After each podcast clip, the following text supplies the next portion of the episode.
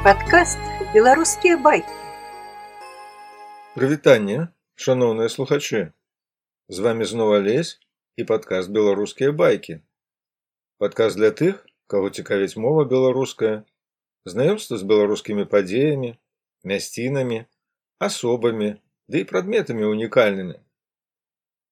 Для тых, хто хоча моваю авалодаць, даведацца больш пра беларус, а можа нават завітаць ці павандраваць калі, Сёння вы пачуеце байку пра асобу выбітную, ды і пра справы ягоныя неўміручыя. Байка пра францыска скарыну і малую падарожную кніжыцу. Не знікне Беларусь у нябыт, не праглыне сусед заможны, таму што ў свеце кніжка ёсць малая падарожная. Прывітаннечка ўнука. Ведаеш, у кожным з нас некалькі чалавек жыве. Адзін той самы першы, кім ён ці яна ёсць насамрэч. Пра гэта нават пры жыцці ведае толькі сам чалавек, ды і то не да канца. І той вобраз, у выглядзе якога ў памяці застанецца, данесены да нашчадкаў будзе з пэўнай ступеню ведання і дасканаласці, рознаю колькасцю баюноў.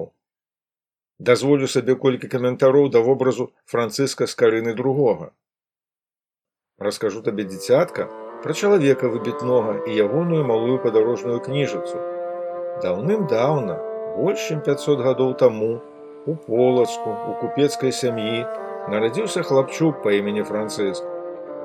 Вырас ён, ды і навучацца у еўрапейскі свет быў выпраўлены. У кракаве і празе займеў веды навукаў розных ад медыцыны да садаводніцтва. Знаўся са шматлікімі першымі асобамі, кшталту вільнюскага епіскапа Яана, прускага герцага Альберта Гагенцеллерна, караля польскага вялікага князя літоўскага жагемонта першага. Нават лекаваў некаторых з іх, дапамагаў у справаводстве ці і ў барацьбе супраць тагачасных эпідэміяў. Заклаў у празе раслінны сад вакол замку градчаны на запрашэнне караля Фердынанда першага. А яшчэ і друкаром асветнікам стаў, каб народу простаму веды несці на мове яго роднай. У празе пераклаў і выдаў біблію руску, а ў вільні малую падарожную кніжыцу. Малая падарожная, бо невялікаю, амаль кішэнную была. Складалася яна з 22 паасобных тэкстаў. Разлічана была на малітоўнае чытанне манахамі і іншымі вандроўнікамі таго часу. Сам францыск па-мастацку упрыгожыў кніжку уласнымі гравюрамі, застаўкамі, напісаў да тэкстаў простаю моваю пасляслоўі тлумачэнні.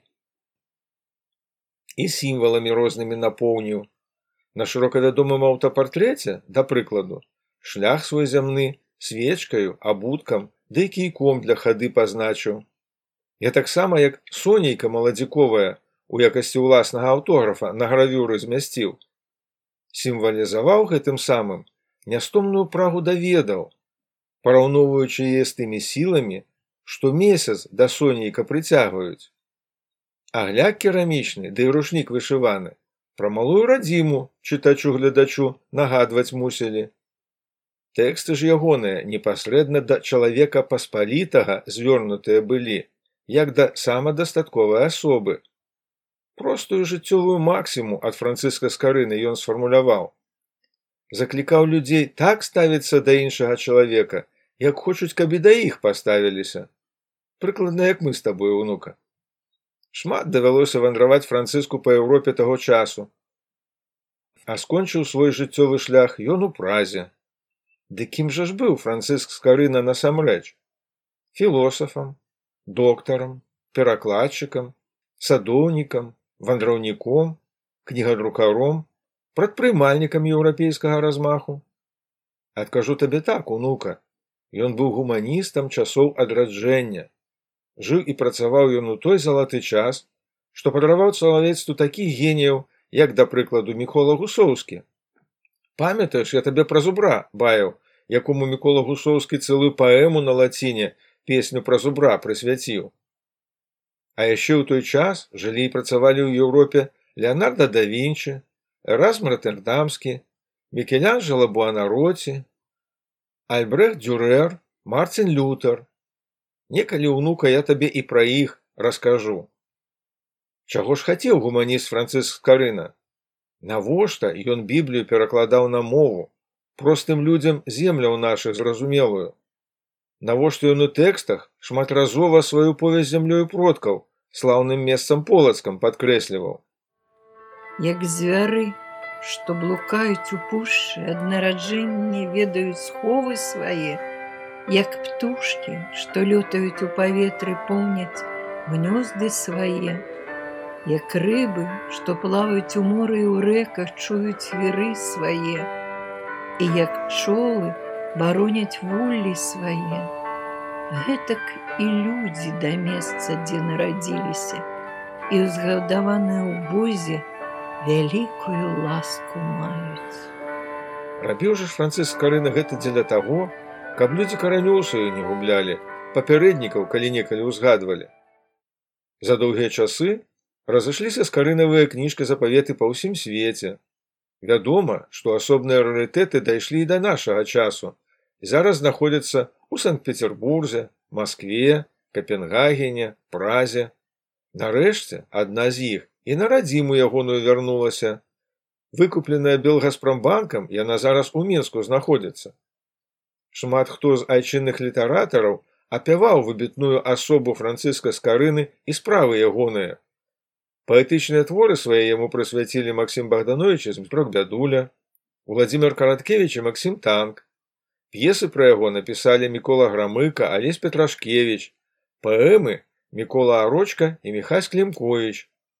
Раманы і аповесці Мікалай Садкович сумесна з Евгеном Львовым, Алесь Разанаў цікава пераказаў скарынавыя прадмовы сваім свабодным вершам. Даследчыкі ж спадчыны з карынавай з розных краінаў, у сапраўдны навуковы накірунак згуртаваліся, што з карыназнаўствам завецца. Розныя навучальныя ўстановы імя з карынава з гонарам носяць, вуліцы беларускіх гарадоў у яго гонар названыя, помнікі з карыні ўдзячнымі нашчадкамі ў полацку, мінску, лідзе, калінінградзе, вільні, кішынёве і празе усталяваныя. Марка і манеты юбілейныя у Беларусі былі выпушчаны, ды і ордэн ягонага імя заснаваны. Так што давай унука часам бліжэйшым у падарожжа па еўрапейскіх слядах францыска скарыны і ягонай малой падарожнай кніжыцы выправімся. Пачаць жа ж прапаную з малой радзімы францыска слыннага горада полацку. Дзякую вам мае слухачы за ўвагу і падораны час зычу добрага настрою плюну ва вучобе і працы. Чакаю вас зноў на старонцы беларускія байкі. Тут дарэчы і на ахвяраванні можна падпісацца лайк лёгка паставіць і ці сябру сяброўцы байку якую пераслаць каб паслухалі. Хай яны дазнаюцца усміхнуцца і атрымаюць кроплю настрою добрага. Буду ўдзячны за заўвагі пытанні прапановы адносна пачутых і новых баек. Будзем усе здаровы. Да наступнай сустрэчы. З вами сёння быў алесь і падкаст беларускія байкі